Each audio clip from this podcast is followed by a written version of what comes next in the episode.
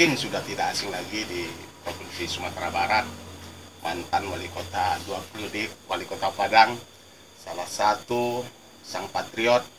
Rekam jejak beliau adalah boleh dikatakan banyak prasasti yang ditinggalkan beliau, bagaimana masyarakat Sumatera Barat tidak hanya dibangun secara eksistensi, tapi beliau menegaskan bahwasannya manusia harus dibentuk dengan secara substansi dan berkarakter. Baik, saat ini kami sudah bersama Bapak Fauji Bahar dan kita ngobrol santai dengan beliau dan langsung saja kita perkenalkan narasumber kita pada saat ini adalah Bapak Fauji Bahar. Ya. Selamat sore, Abang dah. Apa kabar Dinda? Selamat malam ya, malam udah Malam. malam kita nih udah malam. Ya. Nah, kita ngobrol santai lah. Bang, ini Bang. Kita flashback sejenak. Masalah yang kemarin viral tiga bulan lalu, masalah ya masalah busana muslim itu sudah di- dilarang lah, yang dapat kita tekanan dari intervensi lah. Itu bagaimana sih?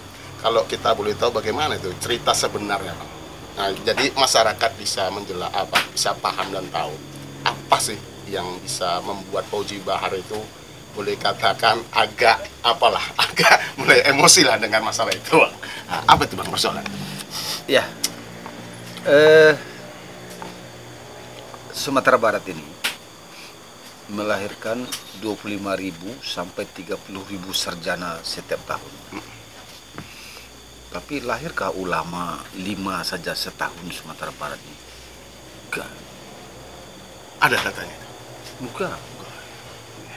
Dari itu, kalau tentang pintar manusia ini, kalau cuma dilatih pintar, ini Google ini lebih pintar daripada apa saja ada.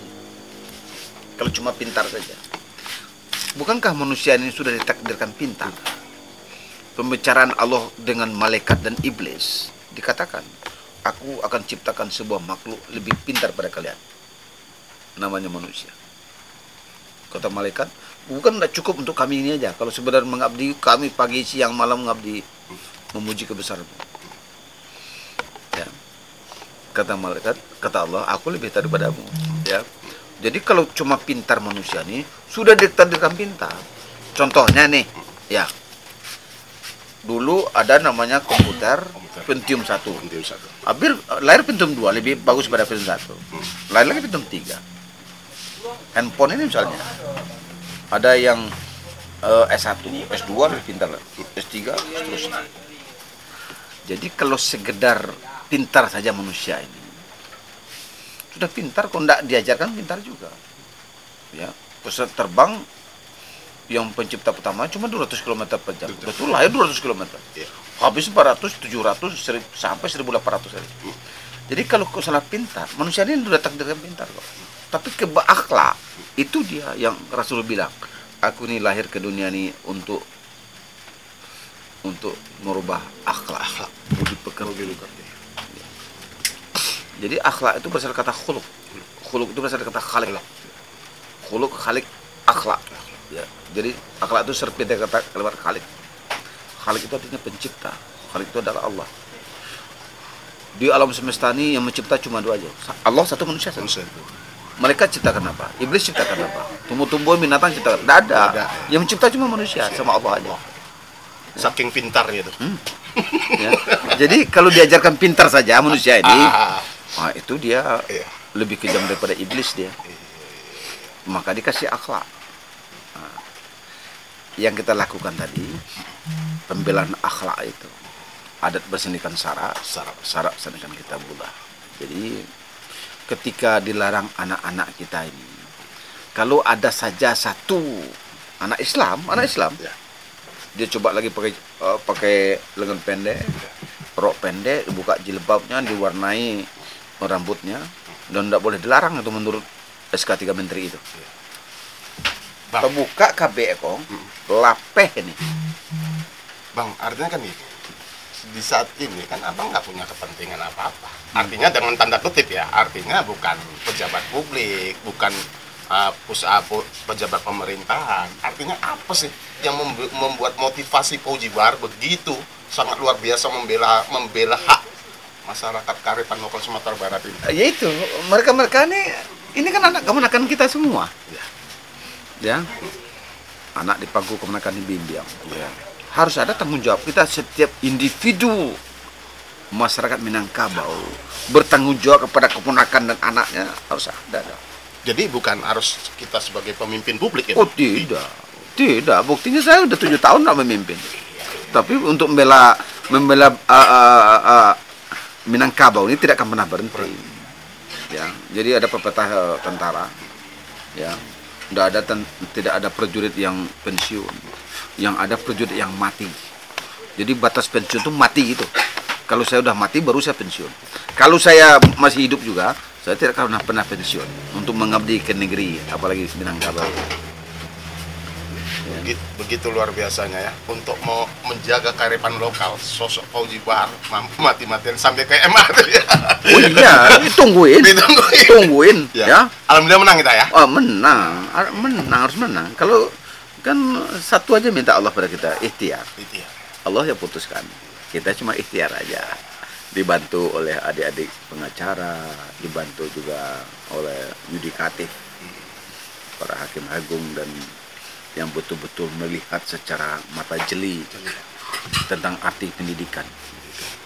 Jadi pendidikan ini bukan untuk pintar, itu untuk akhlak. Makanya saya heran pada Menteri Pendidikan ini. Ngerti nggak dia tentang arti pendidikan itu? Pendidikan pembentukan, nggak himbau-himbauan. Linda, ya. Ada seorang anak yatim, umurnya 12 tahun. Ayahnya baru saja meninggal dengan meninggalkan uang 500 juta. Uang yang 500 juta ini belum boleh diberikan pada anak yatim ini. Tunggu dia dewasa dulu. Itu 1000% haknya dia. Ah, ini yang kebebasan tidak haknya si remaja ini, oh dikasihkan kepada dia. Gimana sih? Oh, biar aja, biar aja, nggak boleh di- disuruh, nggak bisa diimbau, nggak bisa di- diperintahkan. Oh celaka. Saya kan guru nih, Dinda. Hmm. Saya tamat ikip ini. Bagaimana membentuk dan saya pelatih juga. So, tamat sarjana olahraga. Bagaimana melatih seorang menjadi atlet itu tekanan pembentukan untuk kue itu dia seperti eh, ikan acuhnya harus kayak ikan juga masukkan nah, keluar kayak ikan itu Iya.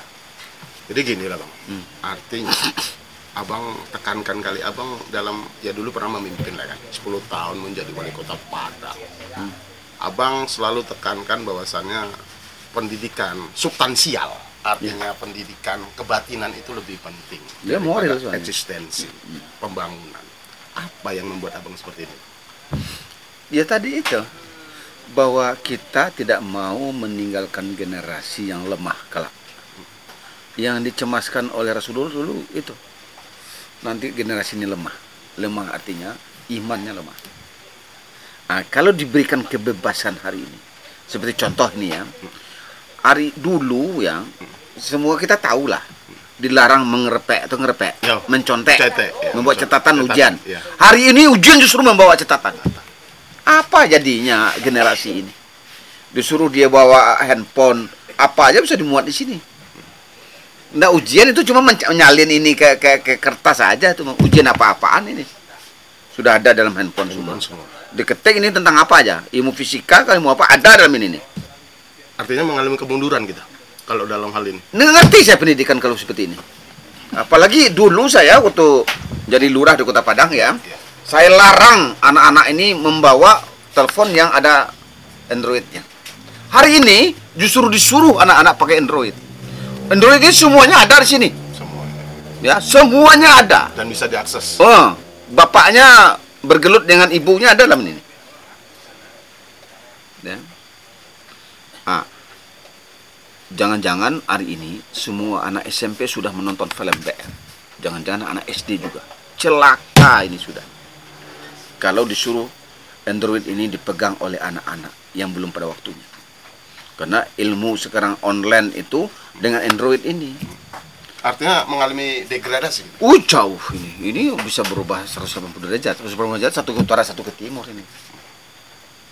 Dan berbahaya sekali untuk tentang arti pendidikan. Jadi kalau manusia ini diajar pintar saja, dia lebih kejam daripada iblis.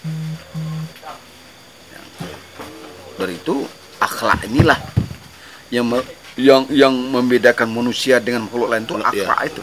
Ya. Iblis tidak punya akhlak, ya. Malaikat pun tidak punya akhlak. Ya, karena ada ayat mengatakan asoni takim kan bahwasannya manusia itu diciptakan lebih baik dari makhluk lain. Iya, laqad khalaqnal insana fi ahsani taqwim. Ya. Dari itu kalau akhlak ini yang diabaikan celaka dunia ini. Untuk untuk bagaimana adat bersendikan syarat Secara bersading kita Allah. ya jalan dialih orang lalu cupak diubah pangalih itu akan tercatat jadi Ya. Oke bang, Ya. itu tadi kita bicara substansi masalah kebatinan. ya Artinya bang, pembangunan fisik tuh juga, juga perlu. Ya. Artinya untuk mempercepat, mempercepat pembangunan kita bersolek. Ya. Apalagi dulu waktu zaman abang kita pernah mengalami bencana ya. Artinya bencana yang sangat luar biasa. Setengah mati bang Pauji itu untuk membangun kembali apa kota Padang waktu itu yang porak-poranda dengan gempa bumi bang. ya Artinya bang, apa sih bang kiat untuk membangun ko- tata, tatanan kota bang yang saat ini melihat dari kacamata bang Pauji ya? Ya kalau pertama sekali ya infrastruktur perlu, Perlu juga ya, ya. tentang ya apa namanya sarana prasarana Iya. pendukung penting juga. Tapi yang lebih penting itu adalah membangun kepribadian itu. Iya. saya ya kalau sekedar pintar tidak pun diajarkan manusia ini akan pintar. Pintar, nggak sekolah pun pintar deh bang ditakdirkan pintar. Iya, saya kesempatan ini juga berargumen kepada Dinda ya. Iya boleh. Mohon maaf nih setelah reformasi ini. Mohon maaf ya mohon maaf. Saya merumpamakan nih ya. Katakanlah ada anak-anak kita mulai dari tamat SMA nih. Boleh. Tamat SMA masuk Akabri masuk ITB masuk UI masuk UGM kita namakan KW1 iya. Ada lagi KW2 masuk ke UNAN Nah. masuk Diponegoro Iya. masuk USU masuk UNP masuk UIN saya sebut KW2 kau itu ada lagi KW3 Iya. masuk swasta, Swasta. masuk Bung Hatta Iya. masuk Trisakti masuk Borobudur deh. ada lagi KW4 empat tidak kuliah kuliah ketika terjadi reformasi ini KW4 yang tidak kuliah tadi masuk ke partai Mm-mm. masuk partai jadi ketua partai. Jadi ketua partai jadi anggota DPR DPR ya ya. Oh. Ya. Anggota DPR RI akhirnya KW1 tadi yang masuk Akabri masuk ITB tadi bekerja sama KW4 tadi. Hari ini loh. Itu realitanya? Ter- terjadi hari ini. Jadi sumber daya manusia yang hari ini yang hebat-hebat menjadi uh, adalah aturan sekarang. Kalau mau masuk masuk oh, oh, gubernur menjadi bupati wali kota atau menjadi anggota DPR harus keluar dari PNS harus keluar dari tentara. Hmm. akhirnya KW1 KW2 3 tadi yang jadi hari ini jadi jenderal jadi dirjen jadi apa yang berkualitas tinggi nak nak nak bisa mimpin pemerintah. Pemerintah. karena ancamannya adalah keluar. Keluar akhirnya negara ini dipimpin hari ini oleh KW4 mayoritas tidak semuanya juga sih. Iya. ini ini terjadi ini. Ah, kalau KW4 melahirkan sesuatu nah, makanya dulu ada bupati ditulis oleh ajudannya bapak-bapak ibu-ibu dengan bapak-bapak dua. Dibacanya apa? Bapak dua ibu dua. Dua ya. Ya. Padahal sesungguhnya maksudnya adalah bapak-bapak Ibu. ibu-ibu gitu. Iya iya iya. jadi ini sebuah juga terjadi pergeseran ini di republik ini dulu kalau jadi menteri, jadi gubernur, jadi dirjen melewati sebuah eh, filter, Filter. yang sangat ketat ketat. Iya. Katakanlah dia ikut Lemhanas, ikut ini penataran ini, ikut eh, sekolah ini. Hari ini tiba-tiba ya bisa jadi menteri, bisa jadi bupati, wali kota, gubernur yang SDM-nya tadi ini perlu. Nah, inilah kelemahan dari undang-undang yang kita terbitkan yang KW1 tadi yang telah menduduki jabatan jadi jenderal, jadi dirjen dibatasi untuk jadi gubernur. Sebetulnya dia ber- mempunyai peluang yang bagus untuk membangun karena dia KW1 soalnya. artinya regulasi itu yang membuat semua artinya para ya contoh lah kan yang abang abang dah sebutkan tadi bahwasannya KW 1 harus tidak bisa meninggalkan dari kemiliteran lah misalnya Iya. dia kan Iya. itu regulasi itu yang mungkin Eh, iya, karena karena undang-undang dibikin Undang- seperti itu seperti oleh itu. KW4 tadi. Dia takut bersaing dengan KW1 kan itu tanding, dibikinnya aturan. Kalau mau keluar. Nggak ada yang berani keluar. iya, iya, iya, iya. Ya saya kan nekat aja cuma mau dulu Hmm. Keluar tentara menjadi wali kota. wali kota dulu Kalau saya nggak nekat nggak jadi saya. iya, iya. Karena jadi wali kota belum pasti, keluar tentara sudah. sudah iya. Risiko itu orang tidak mau ambil terima. Jadi pemimpinnya harus berani juga ambil risiko.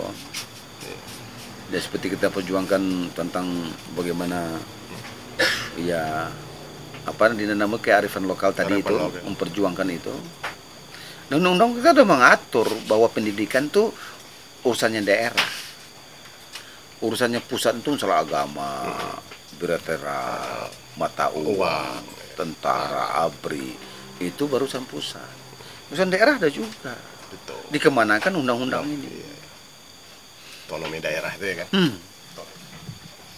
artinya kalau dulu bang Boji lah waktu memimpin wali kota ya dua dua sepuluh tahun memimpin wali kota Padang dengan banyak lah oleh karena Linda, kalau bangun fisik ya tergantung uang aja. ya Apa aja kalau udah uang bisa kita lakukan. betul. Saya memindahkan ibu kota ini Linda. Ya. Kantor wali kota tuh saya pindahkan ke bypass sana. Saya tidak pernah cerita. Kenapa?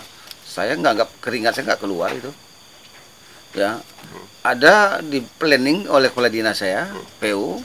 Terus di di toko oleh ketua DPR. ah, ah, gini bang artinya ini menarik artinya di saat itu kan abang punya kekuasaan kenapa tidak abang memanfaatkan aja ya boleh dikatakan untuk pencitraan abang itu artinya bang abang suk enggak apa artinya abang Sebentar, saya cerita dulu Ah, tentang ah, pembangunan ah, tadi. ah, ah.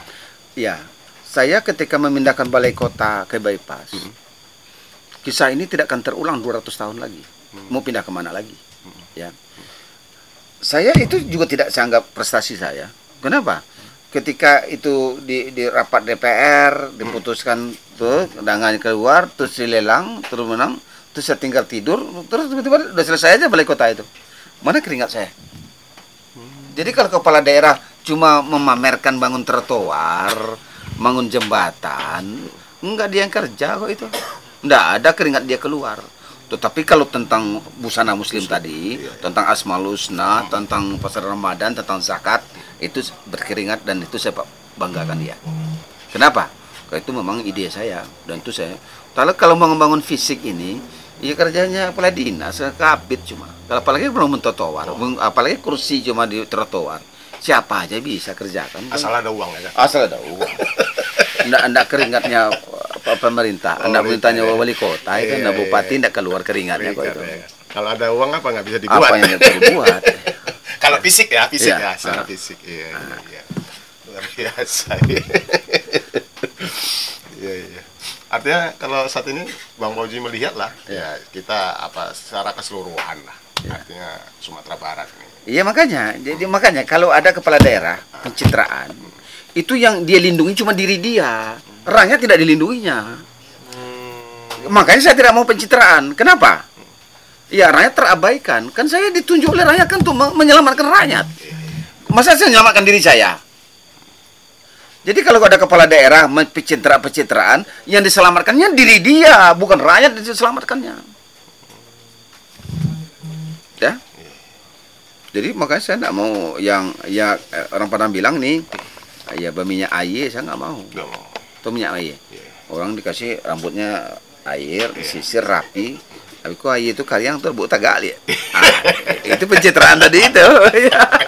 Iya, iya, Ya. iya. Nggak mau saya. Nggak mau ya. Ya. Saya minyak pun saya bilang air juga, apalagi bilang air minyak nggak mau saya. Kalau bisa dikejar itu, itu substansinya apa sih? Kalau suka kali kita punya pencitraan itu, nah, kalau dikejar cara apanya tuh? Iya, mohon maaf ini ya. Orang kalau berpura-pura kepada Ah, rakyat, ah, kalau pura-pura kepada Allah namanya munafik atau syirik. gitu. Hmm. Pura-pura kepada Allah, kita percaya ini, saya pula ini, pura berarti pura-pura kepada Allah dong. Hmm. Kalau pura-pura kepada manusia namanya munafik. Kedua-duanya tempatnya jahanam. Oh, iya dong, orang munafik dengan syirik sama, Sama. tempatnya. Jadi itu makanya saya tidak mau pura-pura dalam dalam kehidupan ini. Dan rakyat juga begitu. Pura-pura lah sayang kita pada rakyat ini. Siapa pun enggak kita sama rakyat. Nah, ini. Tetapi ketika kita serius melayani, di mana pun kita, rakyat pasti negur kita. Karena tidak berpura-pura. Anak kecil aja tahu kok kalau kita berpura-pura sama dia. Iya. Baby ya, baby kecil itu. Tidak ada hati kita sama dia. Mana mau minta gendong sama kita? Dia. Iya. Tapi ada hati kita sama dia, oh dia minta gendong sama kita. Tahu dia, baby, baby aja tahu dia. Apalagi oh, manusia dewasa. Ya. Jadi kalau pencitra-pencitraan saja pemimpin ini, berarti dia berpura-pura kepada rakyatnya. Ya. Kalau berpura-pura kepada rakyat, dia namanya ya munafik. Dia pura-pura, tidak serius. Nggak tulus. Jadi saya berharap ya ya saya memang apa adanya saja. Saya kalau marah tidak bisa saya sembunyikan. Lepas. Karena saya tidak tidak berpura-pura saya marah. Ya dan saya tidak berdendam-dendam. Saya mengatakan apa kulil haku walau kana muran aja. Mengatakan yang benar pun pahit. Dulu saya memarahkan sebetulnya saya bela rakyat sebetulnya. Ya, Tapi digoreng bang ya. ah ya. Dibilang saya pemarah. Iya iya. Eh, tolong tunjukkan satu rakyat bahwa pada saya yang pernah saya marahin. Marahin dia. Yang saya marahin kepala dinas saya Kepala cuma dinas, Iya iya. camat saya, kabak saya, itu yang saya marahin cuma. Nggak beli dari 40 orang lah. Ya. Kalau rakyat nggak pernah saya marahin. Kalau marah tentu ada sebabnya. Iya. kan? Iya, ya itu, itu pula. Kalau ya benar Dinda itu. Ah. Kalau dia nggak salah masa saya marahin juga. Marahin, Iya, itu. Oh, nggak benar loh.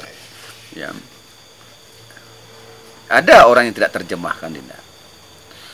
Ketika saya dulu memindah-mindahkan kepala dinas, ya, enam bulan saya pindah lagi bulan, ya. Kalau saya nampung sama dia, Jual beli jabatan. oh, Woi. berani saya mindah-mindahkan dia? Enggak berani saya mindah-mindahin dia. Jangan-jangan dia bilang sama saya nanti, Iya. belum pulang modal lagi pak. Iya iya iya iya. Tidak pernah diterjemahkan orang itu. Iya iya iya. Dan adakah satu di antaranya yang berteriak ketika saya pindahkan, saya nonjobkan? Iya. Adakah ya? Apa kok? Petang apa terima? Kok pak? Kok ada nonjob lo? Ada pernah ada? Ya. Iya iya udah. Jadi tidak pernah diterjemahkan orang Iya. bahwa saya memberhentikan menjob nonjobkan dinas saya dulu, ya. Tidak ada pernah diterjemahkan orang bahwa artinya saya tidak nampung sama mereka. Jadi lepas. Tidak ada jual luar jual beli jabatan tidak ada.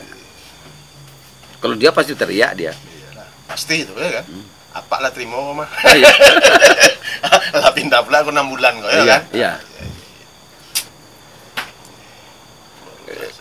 Ada ada seorang perempuan tetangga saya tidurnya sebelah saya namanya Bu Mutia itu pun tidak boleh sama saya tetangga saya ya, tidurnya aja tempat sebelah saya istri saya Iya paham. tidak boleh ikut campur masalah dalam pemerintahan Bisa beda tentu. Hmm? Bisa apa? Bisa oh iya kapan Dina dengar istri saya ikut campur dalam pemerintahan Benar ya, kita tahu itu. Nggak pernah ya. nggak pernah. boleh mas tetangga saya itu Paham. Ya. Saya juga ketua partai ketika jadi wali kota. Tapi partai tidak pernah saya campur campurkan dalam pemerintah. Mengambil keputusan siapa yang harus jadi jabatan, tidak ada ikut campur partai satupun. Tanyalah pada asisten saya, pada sekda saya. Tidak pernah saya minta saran kepada partai. Bang, ini menarik bang. Artinya gini bang. Waktu zaman abang, abang juga orang partai, abang bekas mantan abang. Artinya pressure dari tekanan politik bang demi kepentingan itu pasti ada. Hmm. Sikap abang waktu itu gimana? Ya sebisa-bisakan. Harus bisa-bisakan dong. Ini pemerintahan sah. Ini organisasinya. Ini partai. Ini kamarnya. Nggak boleh campur, Campur aduk. aduk, ya. Nggak boleh itu. Jangan orang partai yang berikan rekomendasi siapa yang akan duduk jadi ini. Ah. Nggak benar itu. Oh. Yang merekomendasikan sekda saya boleh. Oh. Asisten boleh. Boleh. Inspektur boleh. Wakil wali kota boleh. Hmm. siapa yang jadi sina satu jabatan kasih atau kabak atau kabit ini boleh itu karena dia yang mau makai soalnya tapi kalau diminta kepada partai yang merekomendasi si A ini apa-apaan ini Iya iya iya. Minta bagian gitu ya kan? Minta jatah. Oh, iya. iya iya. Nggak, kalau kalau di, ada ikut campur orang luar Ah, ah. tentu ada maunya Betul betul betul. nggak benar ini partai diikut campurkan dalam pemerintahan Betul. aturan mana yang dipakai ini tapi udah saya bilang tadi Oh. tetangga saja nggak boleh ikut sama dia. Orang tertekan ya samping saya tidurnya nggak boleh ikut. Bang, ini lah Kita bergeser sedikit lah kan. Kalau tadi kita bicara Sumatera Barat, kita bergeser lagi. Eh, ke Kota Padang. Abang kan pernah dua, 10 tahun mimpin Kota Padang. 2004. Abang artinya periode abang tuh ya juga boleh dikatakan jatuh bangun abang. Eh, dalam membangun Kota Padang setelah diantam bencana gempa bumi. Berusaha Bang Fauji ini membangkitkan kembali moral para warga, para rakyat itu untuk tetap berjuang untuk membangun Kota Padang sejauh ini bang kita kan ya boleh dikatakan udah pasca berapa 2004 sekarang 2021 udah 17 tahun memandang saat ini bang kota Padang bagaimana bang kalau menurut bang bang pandangan abang lah terhadap kota Padang saat ini Tadi udah saya bilang, kalau kalau membangun fisiknya, ya tergantung ada berapa anggaran kita. Tapi membangun peradaban itu, membangun oh, mental mereka, membangun spiritual mereka, itu yang utama. Jadi kalau meng- apa saja rencanamu dibangun visi apa segala macam tergantung uang ada nggak mau nggak kita me- me- merayu investor untuk membangun padang ini tapi kalau tidak ada investor, tidak ada dana, tidak bisa juga. Contoh Mentawai, kurang subur apa Mentawai? benar Tapi tidak ada investor yang mau ke sana, tidak ada dana terbatas juga, ya segitu-segitu aja. Jadi saya Kota Padang, ya saya selalu saja karena ini ibu kota provinsi. Betul, iya. Gambaran etalase, Etalase. dari seluruh kabupaten kota. Kota. Tetap ukurannya adalah tentang peradaban. Peradaban. Karena tadi sudah saya bilang adat menjadikan syarat sana ya dan itu yang kita perjuangkan. Ya, nah, dari itu tetap saja. Ada- tadi bilang kalau sekitar pintar saja Sumatera Barat melahirkan 30 ribu sarjana setiap tahun. Setiap tahun Tapi tentang tentang ya ulama, so begini ya. Mati Rasulullah, ada penggantinya seperti Rasulullah nggak? Nggak ada. Mati Abu Bakar tidak ada. Mau Umar nggak ada. Mati Inyi Parabe, adakah saya Inyi Parabe hari ini? Tidak ada. Mati yang Saleh di Pariaman, adakah pengganti seperti yang Saleh? Tidak ada. Mati uh, Hamka. Angku Buya Hamka, siapa yang sekelas Buya Hamka hari ini? iya ya mati uh, Inyi Canduang. Siapa yang sekelas Inyi Canduang hari ini? Tidak ada. Jadi agama ini turun-turun terus. Ya. kalau tidak kita kajang-kajangi kalau tidak kita perbarui. Tapi kalau untuk kemajuan fisik. Ilmu pengetahuan fisik dan sebagainya. Di- ditunggu dilepas saja dia akan pintar sendiri. Dari itu tetap saja kita harus sepakat. Pembangunan Sumatera Barat itu adalah pembangunan mental ideologi pembangunan spiritual. Ya. Cobalah Dinda nih. Dinda anak Dinda S3 sekarang ada di Jerman dia pulang-pulang. Terus dia tidak pernah say hello pada kita. Datang satu kali ke, ke kampung ini tidak mau makan di rumah kita. Terhina nggak? Terhina pasti. Nggak, nggak, perlu kamu dokter nak, nggak perlu kamu orang mana, nggak perlu kamu nggak bangga ayah ini. Bayah ini bangga cuma kamu sholat, kamu kamu santun pada saya, kamu ada sehelo sama saya. Ini sekarang kamu sama anakmu entah orang dari mana makan pun di rumah saya nggak nggak mau. mau. Apa gunanya kamu sekolah-sekolah luar nggak perlu.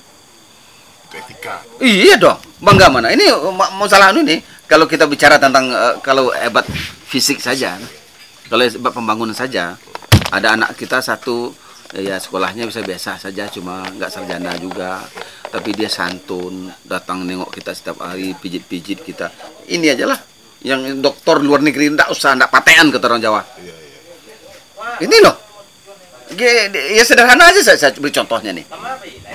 Sehebat, sekaya apa sajalah dia, ndak bangga ayah ini. Ayah ini bangga cuma ketika anak ini santun pada dia, dia ingat pada orang tuanya, dia mau berkorban, dia mau pulang, mau di rumah tidur. Ini tidurnya di hotel, nggak pernah makan tuh ini. Di pulang kampung, nengok kita, kita siapkan makan nak dimakannya. Hibah nggak tibu nih? Hibah. Sehebat apa aja lah anaknya, mau jadi menteri luar negeri itu dia, nggak bangga. Jadi kalau saya tangkap apa yang disampaikan Bang Poji tadi, artinya sentuhan kebatinan itu lebih penting Bang. Oh jelas, eh, yang membedakan manusia dengan makhluk lain itu ya akhlak itu. Jadi kalau ada orang gagah dia, ganteng dia, cantik, pintar dia, tapi dia tidak berakhlak, ya, itu dia jadi gubernur, jadi bupati, jadi wali kota, jadi presiden. Jangankan jadi presiden, gubernur pun, jadi manusia pun tidak memenuhi syarat dia, karena syarat jadi manusia itu udah berakhlak. Mungkin iblis dia, mungkin setan dia, atau binatang dia kali. Kalau tidak tidak tidak akhlaknya, tidak pantas disebut manusia. Manusia itu yang membedakan manusia dengan makhluk lain itu adalah akhlak itu. Kalau dia tidak berakhlak, ah, tidak pantas disebut manusia. Manusia. Jangan kamu kamu memimpin manusia. Jadi manusia pun tidak memenuhi syarat kalau dia tidak berakhlak.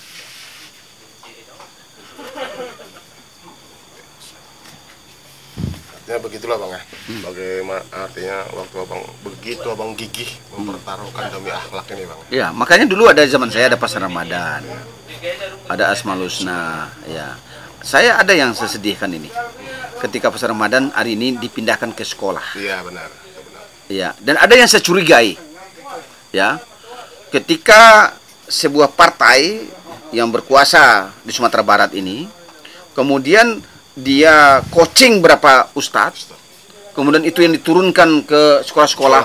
SLTA dan anak SLTA separuh dari anak SLTA hari ini telah memilih. Apalagi kalau dia tamat dimulai 2020 gitu ya. 2001 2003 2004 2005 nanti dia udah dewasa semua 2024 itu. Yang kelas 1 2020 2024 udah dewasa semua. Udah punya hak pilih. Nah, dia coaching diturunkan. Ini dotrinisasi makanya pasar Ramadan itu harus diadakan di masjid. Kalau di masjid dia dengan orang umum. Kalau di sekolah dia murid saja sama guru itu saja. Jadi akhirnya berakibat jelek kepada pendidikan tidak sasaran. Dan kita udah pernah teliti anak-anak yang bersekolah pada Ramadan itu 14% sampai 17% tidak berpuasa. Anak ada lepas dari pengawasan dia kapan masuk warung dia masuk ke ini nggak ketahuan nggak kita kontrol jadi pas Ramadan yang dilakukan di sekolah-sekolah itu justru melemahkan akidah anak-anak itu. Kenapa para para penyandang-penyandang partai yang duduk di DPR hari ini kok nggak melihat ini sebuah sebuah eh, eh, pengalihan yang dilakukan sebuah penguasa eh, di mana anak-anak kita harus meramaikan masjid malah di menghindarkan dari masjid. Bukankah bulan Ramadan itu dalam waktu pembentukan? Ah, anak-anak harusnya para anggota DPR memprotes gubernur supaya diadakan di masjid semuanya. Ke mana matanya para anggota DPR ini? Kok tertipu saja dengan dengan hal ini? Apa urgennya mereka datang ke sekolah pas Ramadan itu? Kenapa sudah kita adakan masjid-masjid? Dia tidak perlu kos, dia tidak perlu biaya, tidak tidak tidak akan tidak puasa. Ah, mau pergi sekolah pakai biaya lagi, letih dia, jauh dan segala makannya. Ya, kalau di masjid di sekitar rumah dia dekat dan dan tidak efisien lah. spesial. Tidakkah curiga DPR seperti ini? Ke mana mata telinganya DPR ini?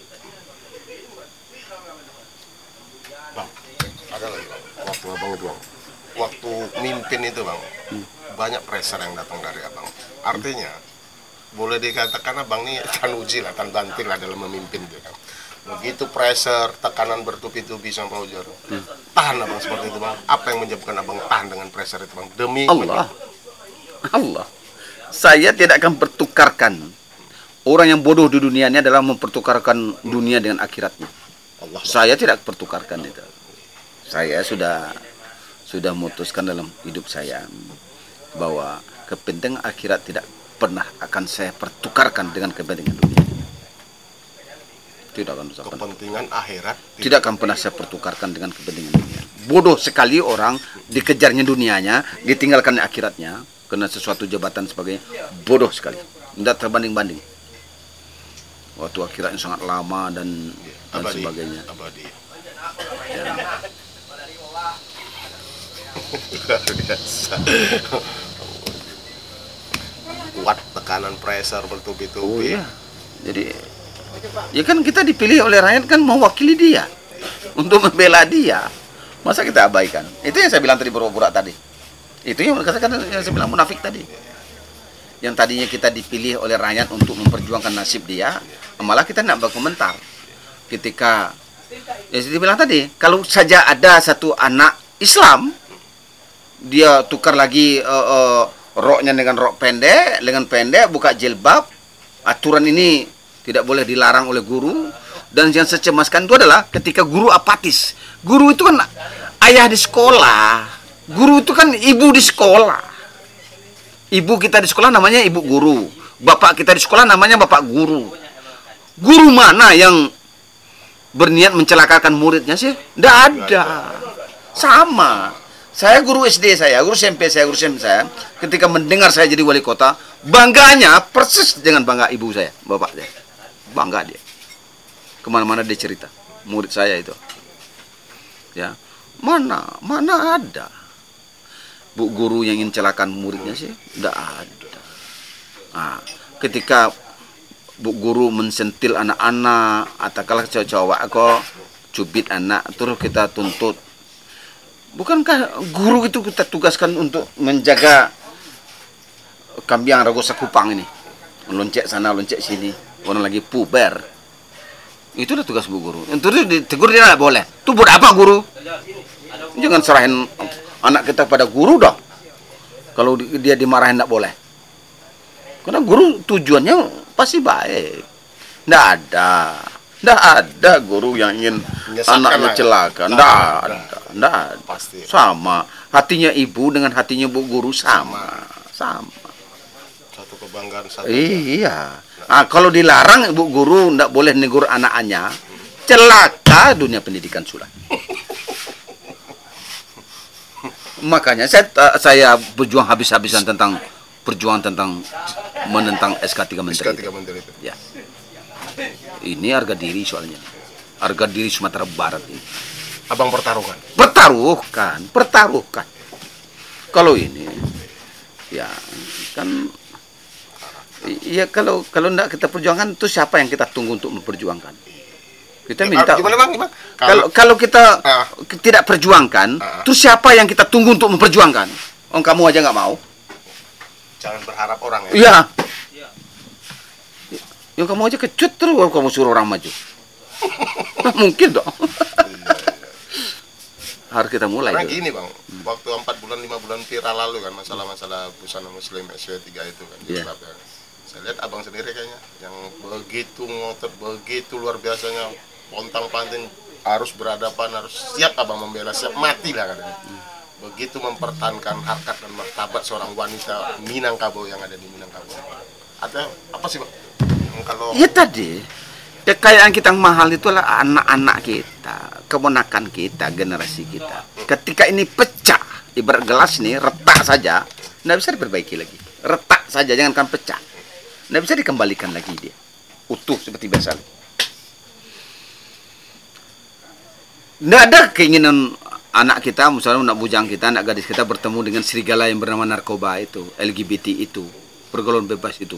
Tapi hari ini serigala itu telah mengintai semua anak bujang, anak gadis kita di setiap perempatan. Setiap mall, di setiap halte, di setiap bioskop. Kalau nak kita jaga, nak kita awasi, nak kita protek, diterkamlah dia dengan oleh serigala yang bernama narkoba tadi itu. LGBT itu, pergaulan bebas itu. Hancurlah kita kalau harta kita yang paling berharga ini yang yang sudah amburadul sama mereka. Dari itu tidak ada tidak tidak rela jangankan sejengkal, seujung kuku pun tidak rela ketika ini yang dirubah. Makanya dalam kalimat saya, Pak Menteri Pendidikan ini ngerti nggak pendidikan artinya pendidikan dia? Apa orang pendidikan dia? Dulu dulu Menteri Pendidikan ini pasti mantan rektor, makin guru besar dia. Hari ini tidak jelas dari mana terjadi Menteri Pendidikan. Pendidikan ini yang masalah yang yang fundamen di Republik ini. Masalah yang paling mendasar pendidikan ini baru kesehatan, baru pembangunan fisik. Paling fundamental pendidikan. Setelah itu baru kesehatan. Kan bukankah negara telah memutuskan 20% dari anggaran APBD ini untuk pendidikan, bukan untuk kesehatan. 20% loh. Undang-undang kita loh. Artinya urgent sekali tentang pendidikan ini. Baik kosnya maupun perhatian. Ah, sekarang itu yang mau dilepaskan. Punya konsep nggak Menteri Pendidikan ini? Bukankah Kepmennya di sendiri telah menetapkan beberapa tentang cara pakaian SD, SMP, SMA itu? Bertanya enggak dia kepada dirjen-dirjen pendidikannya? Bahwa sudah ada sebelumnya.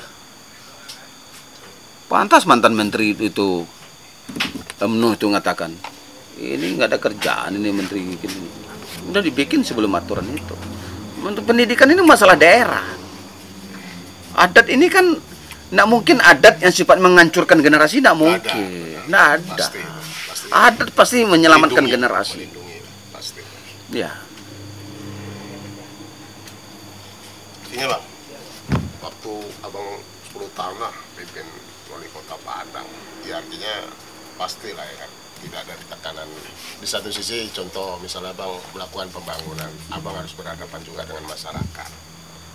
Bagaimana bang waktu itu bang? Abang bisa mampu merangkul agar rakyat ini juga bisa paham dengan apa yang abang maksudkan itu?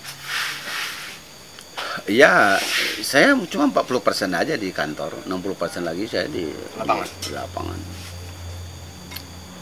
Jadi abang dulu suka belusukan juga bang Oh, i- ini sampai jam 2 malam pun 24 jam hidup ini. Dan siapa aja boleh telepon. jadi bang oh jadi suka belusukan lah ya suka jalan-jalan gini suka bang Ya, ya, tapi saya enggak, enggak, enggak pencitraan. oh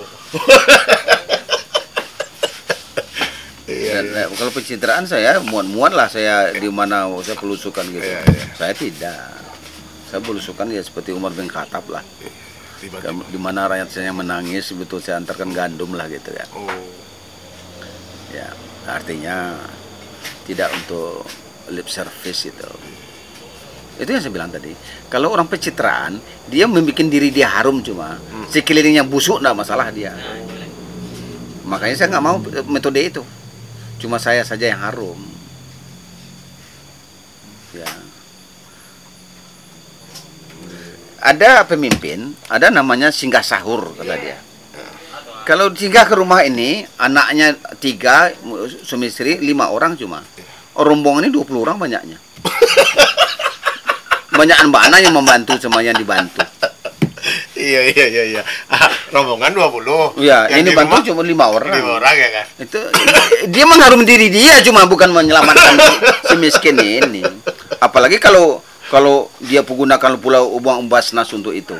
iya iya iya iya iya Ya. Pasti deh logikanya gitu dia rombongan 20 yang di rumah lima orang ya kan orang.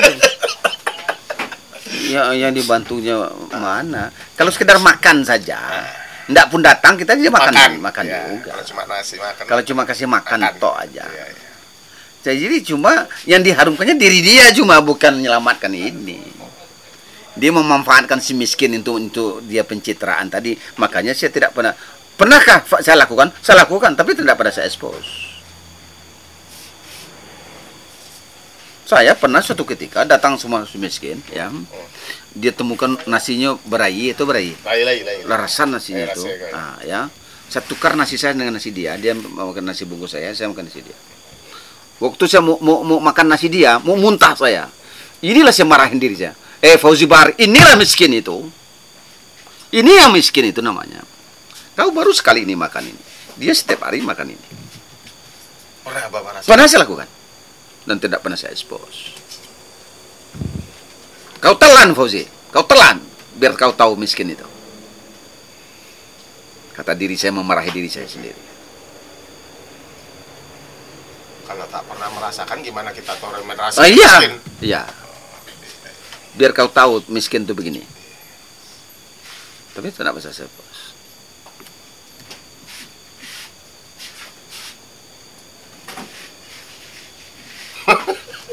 Luar biasa. Karena bagi Bang Boji itu apa ya? Artinya gimana ya tadi? Kalau kita bicara apa yang saya sampaikan Bang Boji tadi, artinya Saya begitu- juga tidak bawa ajudan, saya datang sendiri. Saya datang malam-malam sendiri. Saya saya tentara terlatih untuk infiltrasi kok. Tugas pokok saya dulu dulu itu tentara itu infiltrasi. Saya sangat terlatih untuk pergi ke suatu tempat tanpa orang lain tahu. Ilmu skill saya itu. Saya tentara yang dilatih untuk demolisi kok. Tentara yang dilatih untuk bagaimana kalau kita meledakkan tempat musuh atau musuh punya radar nih, ah, kita ledakin, kita harus masuk situ. Gimana pula radarnya dile- dilempar dari jauh bom itu tidak bisa. Dipasang baru dia ledakin. Nah, saya sangat terlatih untuk infiltrasi itu, menyusup ke tempat musuh itu. Jangan ke tempatnya orang miskin. Ke tempat musuh pun saya terlatih untuk itu. Mau dilatih untuk itu. artinya gini Bang. Nah, Pada waktu tapi saya tidak pernah gambar-gambar. Iya, iya artinya gini bang. Waktu abang zaman Fauzi mimpin ada dua sepuluh tahun di Kota Padang kan, abang selalu mendatangi rakyat, abang nggak pernah abang expose. Artinya warga pun senang gitu kan. Artinya nggak suka abang itu dipublikasikan, publikasikan. Kenapa itu bang? Artinya Ya tentang membatin saya.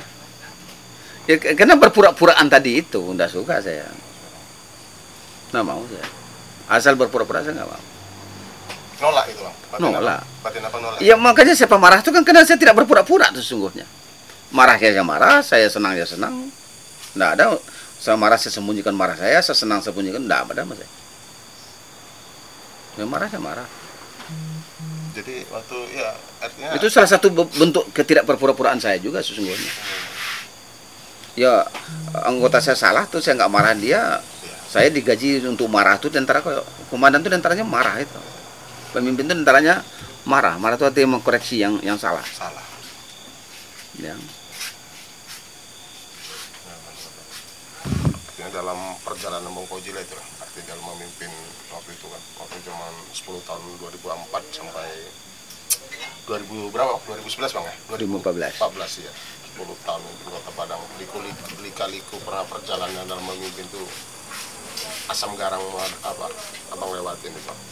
Kalau pesan bang, pastilah abang punya meninggalkan kesan yang paling mungkin ya yang pahit, yang manis.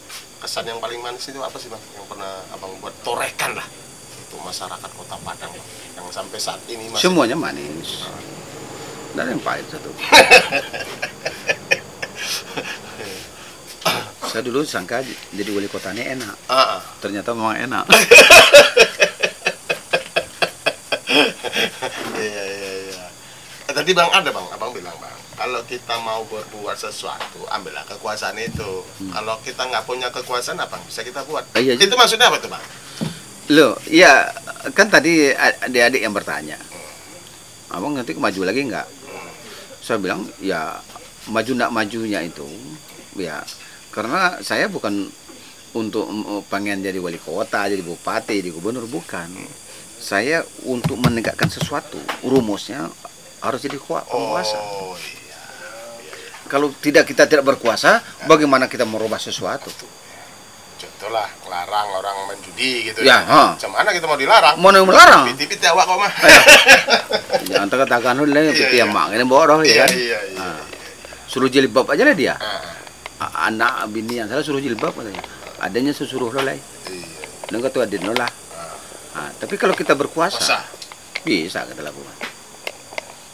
Habis judi kan, zakat pun bisa kita kerjakan. Ya, saya dulu rencananya tidak tahu. Udah kita lakukan ini. Di kota Padang ini cuma dua bagi saya bagi muslim itu. Ya, jadi muzaki pembayar zakat atau mustahik penerima zakat. Abang terapkan tuh Oh iya, di PNS tuh. Oh bukan cuma PNS di warga. Di warga. PNS sudah pasti. Pasti. Ya PNS sudah potong setengah persen ya. Ah, rumah-rumah orang kaya kaya itu, ya bapak saya tanya bapak Islam atau tidak? Islam tanya. Bapak pilih bayar zakat atau terima zakat? Oh.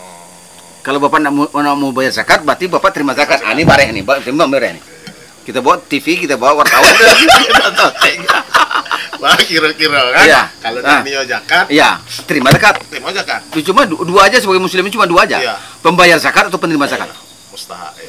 Ya, mustahik uh, jadi mu- muzaki atau Muzaki, atau mustahik. ya. Ya. Mau saya terapkan tuh tiba-tiba gempa. Itu udah udah separuh jalan saya bikin itu. Saya bawa wartawan, saya bawa TV, saya bawa radio. Ya. Nah, ini rumah ini rumah rumah di di uh, anu ya nam sekitar gor sana padang baru orang kaya kaya itu ya mau saya naikin satu satu ya pembayar zakat tuh terima zakat Terima zakat. ya. nah mau zakat berarti nanti mau zakat Kok nggak maluang, terimalah kau. Iya.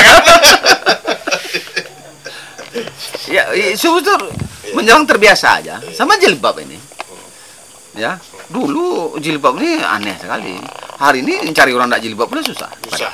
Iya, iya, iya. kalau beralih dua aja kita dituduh orang kalau kita nggak pakai jilbab Iya. ini bukan orang Padang Iya. atau bukan Islam Cinta Islam ya. dua itu aja Dua itu. Kalau gini, kalau kita pakai kalau kalau pakai jilbab di Padang hari ini ragu awak jadinya ya kan. sebetulnya tidak Ah, jilbab itu menghemat ya. Ya. Pastilah. dulu ya saya ingat nih waktu saya wisuda tahun 86 itu teman saya perempuan itu pergi ke salon jam berapa? jam 2 Dua siang. 2 malam Oh. sudah jam 8 pagi nih Ah, ah. jam 2 malam dia udah pakai sanggu Sang- itu sang- iya, iya, sanggul. ah, sanggul itu ya pakai sasa apa itu macam itu hari ini dia cuma ini ini iya sendiri apa selesai hemat kita nggak pakai kalung orang nggak tahu. Nggak pakai anting-anting nggak tahu. Rambut kita putih orang nggak tahu. Hemat banyak menghemat nggak perlu dihitamin nggak perlu diapain nggak pernah salon. Kamek-kamek lagi dia. Dan cantik lagi. Ya. Makanya istilah saya sa- jilbab ini bikin kamek dan kameh kameh juga kameh juga. Kameh itu artinya rapi. Ya. Nah. jadi eh, banyak penghematan dan ada satu lagi. Jilbab ini berapa triliun uang telah beredar karena jilbab ini? Mulai orang mengalih jilbab oh produksi jilbab. Ibu-ibu ini kan cie jilbab ini? Ya, ya. Nah, ini tiga dua empeknya nih. eh salusin seorang. Ya sekodi seorang. Ya berapa ini? Berapa perempuan se Indonesia ini? Ya ketika saya lakukan Sumatera Barat ini menjalar ke seluruh Sumatera Barat menjalar seluruh Sumatera menjalar nasional hari ini diakui atau tidak oleh orang jilbab berasal dari kota Padang Benar. ya tapi kita tidak minta pengakuan, Pengakuan. tapi kita cuma ya bahwa sesuatu yang kita lakukan ini carilah masa 1872 kah atau 1866 kah atau 1910 1905 19 berapa gitu carilah masa sebelumnya suatu negeri orang berjilbab semua belum ada baru masa kita ini belum ada carilah masa masa tahun berapa sih? Tahun berapa itu? ya dan itu Tapi kan tantangan berat waktu itu bang. Kalau waktu abang nobak kan itu Oh, pasti iya. perlawanan bang. Gimana bang ngadepi perlawanan itu bang? ya kita ya kayak tadi eh, anu eh, tadi aja apa namanya eh kita berikan pengertian. Bahwa efeknya anak-anak tidak kena demam berdarah anak-anak eh, eh, apa namanya apa namanya hmm, kan tidak semua ibu memperdangkal jurang si kaya dan si miskin. Kan tidak semua ibu mampu belikan kalung emas untuk anak gadis. Oh. Anting-anting emas untuk anak gadis. Ketika beliau berjilbab, kita kan tidak bisa bedakan mana anak yang kaya anak miskin ini. Secara siuluk apanya Pak? Iya, oh. memperdangkal uh, jurang antara si kaya dan si miskin. Iya pula ya. Iya. iya. Kalau dia tertutup, mana bisa pamer dia kan? Iya. kalau nggak tertutup tentu pamer. Iya, kalau tertutup semua, ah. di mana lagi nyamuk nggak Iya, iya. Udah tutup semua. Semua. Demam berdarah turun drastis.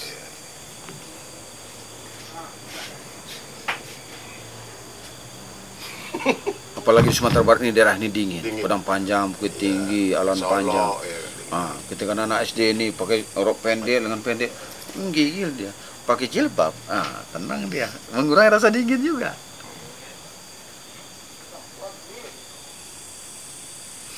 Bang, ini lagi satu lagi bang. Abang sudah pernah ngalami ya. Abang jelas, abang dari kalangan TNI yang militer angkatan laut. Kalau artinya pernah juga di pemerintahan. Obsesi ke depan sosok Fauji Bahar ini apa sih? Artinya bang, sosok bang Fauji Bahar ini ke depan apa sih? Yang abang ingin lakukan, andai kata Allah mempercayakan abang lah. Yang mana tahu, kita nggak tahu lah kan ke depan tuh. Kalau andai kata Fauji Saya pernah bercita-cita. Ya. Seandainya di, di Sumatera Barat ini anak kelas 6 yang duduk di bangku kelas 6 ya di seluruh SD seluruh Sumatera Barat ini ada sekitar 60 sampai 70 ribu tujuh puluh ribu ya. ya dari sekian SD yang ada di Sumatera Barat. Kalau 70 ribu ini anak SD ya, anak kelas 1 SD hari ini sudah bisa tulis, sudah bisa baca. Baca. Ya. Kalau mereka anak kelas 1 kita bebani menghafal 10 surat. Surat A, B, C, D 10 surat. Beratkah bagi dia? Tidak berat. Ya berat. Kelas 2 tambah 10 lagi. Kelas 3 tambah 10 lagi. Kelas 4 tambah 7. Satu juz dihafal. Kelas 5, kelas 6 ulang. Saya mengangan-angankan. Kalau seandainya anak-anak ini tidak boleh masuk SMP kalau tidak hafal satu juz amma. Kang kang kang kang mah apa gue mah. Ya. Ketika anak-anak ini semuanya hafal satu juz amma, mukjizatnya Al-Quran ini tidak tahu. Mukjizat Al-Quran itu ketika kita hafal Ya. dan tidak pernah lupa lagi. Lupa lagi. ya. Karena Al-Quran tidak di sini penyimpan simpannya di sini. Ya. Ya. plus di sini tidak di sini. Makanya orang gila panggil orang gila satu kamu namamu siapa? Enggak enggak dia.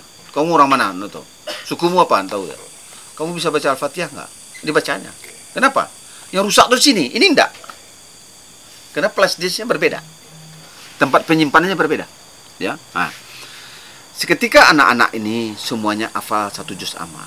Dulu orang Minang ini pergi merantau azan cuma bisa makan lapeh lalu lapeh jadi rantau ke Jawa Ya, nih ya, ya, ya. Ah, cuma bisa azan cuma lalu di surau. Surau, ah, makan. ah, makan jo jo, jo lalu lapeh Lapeh ya melaki lapeh kerajo gua Ya, ya, ya, ya, ya. kalau dia hafal satu juz ama jadi imam dia di sana. Sana ya. ya. hari ini tidak tahu di Prancis ya di Prancis hari ini di Eropa dibutuhkan anak-anak yang bisa mengajarkan Al-Quran ini gajinya 2000 euro. 2000 euro itu setara dengan 35 juta. Kalau anak-anak anak-anak kuliah S1 dengan modal cuma hafal satu juz amma tas sekolahan diri dia oleh sendiri dia. Dia pagi so, mengajar eh, anak-anak eh, yang muslim eh, ngaji. Nah, sore dia kuliah. Dengan itu saja modalnya sudah hidup dia di mana saja. Al-Quran ini menyelamatkan dunia dan akhirat Dinda di dunia secara duniawi awak bisa diselamatkannya. Akhirat. dia. Kena juga. Ah. anak-anak kalau dia hafal satu juz amma tu dia pergi ke ITB dia pergi ke Bandung pergi ke Jogja tu dia imam sekitar tu. Hidupnya itu mah. Iya, iya. dengan modal itu aja hidup dia tu. Betul, ya. ya? Nah, apalagi kalau dia ke luar negeri. Nah, yang lebih daripada itu adalah saya jamin dia pintar.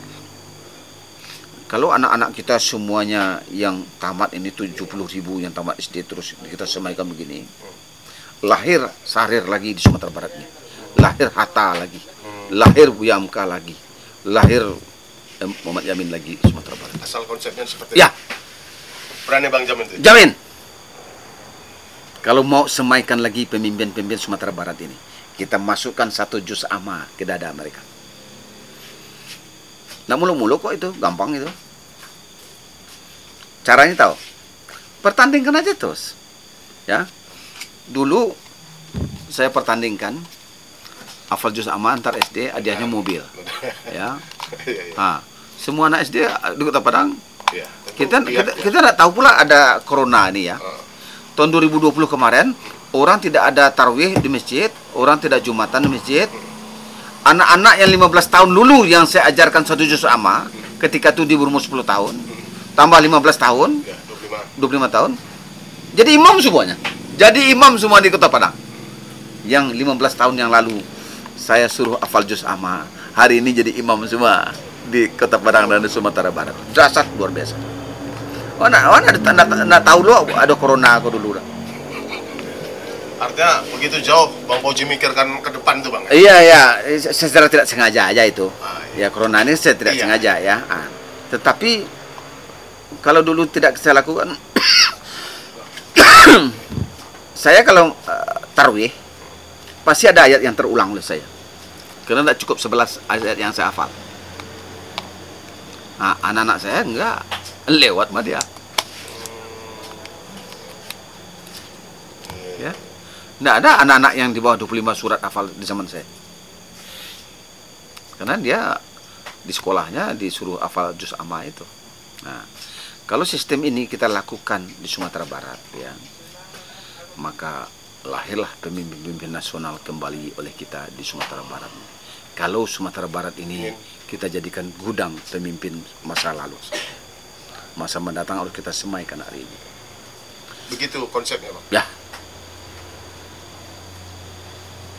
Ah, dari akidah itu Bang ya. Ya. Akan muncul. Iya, Cendekiawan- kalau itu saya bilang gitu itu tadi. Kalau sekedar pintar saja, udah banyak pintar di Sumatera Barat ini. kalau orang pintar ya. Pintar saja banyak. Tapi pintar dan berakhlak dan berakidah nih itu yang sulit. Artinya kita kepingin lahir Buya Hamka gitu Bang. Nasional gitu. Kepingin Iya, ya. harus lahirkan Hatta lagi. Hari lahirkan lagi Sahrir lagi. Jago-jago diplomasi semua itu. Orang Minangkabau ini terkenal dengan jago diplomasinya. Berunding paling. Berunding paling pintar. Jadi apa kata Bang? Tidak ada pertempuran yang tidak bisa di apa? Tidak satu pertempuran yang selesai di medan perang, Oh. selesai di meja perundingan. ya. Itu Ah. moto Abang tuh Bang. Salah satu moto Abang tuh Oh, Bang. moto tentara itu. Moto orang tuh Bang. Ya. Oh, Jadi semua perang itu tidak selesai di medan perang. Selesainya di meja perundingan. iya. Nah, baru tarik tarik tarik lagi pasukannya. Oh. Pasukan A tarik lagi, Iya. B terus tarik, nggak ada perang lah tuh. ya. Tapi kalau tidak ada perundingan, perang itu berkecamuk terus ya. Bang, terakhirlah Bang, apalah Bang yang bisa Bang sampaikan pada Ya. Parwisa investigasi channel ini Bang. Artinya untuk ya untuk untuk kita bersama lah ke Ya. depannya bahwasanya agar kita senantiasa lah kita hidup di bumi Rana Minang akidah itulah salah satu yang harus menjadi ketentuan di Minang ini Bang. Ya. Silakan Bang, sampaikan Bang apa yang bisa disampaikan agar kiranya mampu memberi pencerahan Bang bagi generasi milenial ke depan Bang. Saya tidak pernah cemas generasi ini tidak makan ke depan. Karena Allah telah jamin tentang rezeki setiap makhluknya. Tetapi Allah tidak ada jaminan untuk keselamatan generasi kita untuk masa akhiratnya. Dari itu kita harus selamatkan generasi kita ini. Kita jangan bertanya lagi lah hari ini, besok kau makan apa nak? Udah pasti makan dia. Dijamin Allah kok. Di dunia ini tidak ada sama sekali Allah mengatakan kekhawatiran tentang hidup dunia ini. Tapi ancaman akhirat bertubi-tubi Allah sebutkan betapa pedihnya neraka itu. Berkali-kali Allah sebutkan dalam Al-Quran. Ini yang kerisauan kita yang paling utama itu hendaknya bagaimana kondisi generasi ini ke depan. Itu kerisauan utama. Tentang makan anak-anak ke depan ini sekaya sebesar apa saja orang ke makanan sepiring juga cuma. Sulit kan nanti cari nanti sepiring ini? Tidak sulit sulit tapi tentang akidah wanti-wanti Allah. Dari itu kepada generasi Sumatera Barat jangan cemaskan negeri yang subur ini. Bukit barisan ini isinya semua mineral semua nih. Mineral itu bisa emas bisa besi bisa Tembaga. tembaga bisa batu bara. Ya kita kita hari ini cemburu kepada uh, uh, uh, Riau sana tanahnya datar sawitnya. Minyak ini, ini ribuan kali lipat daripada itu malah.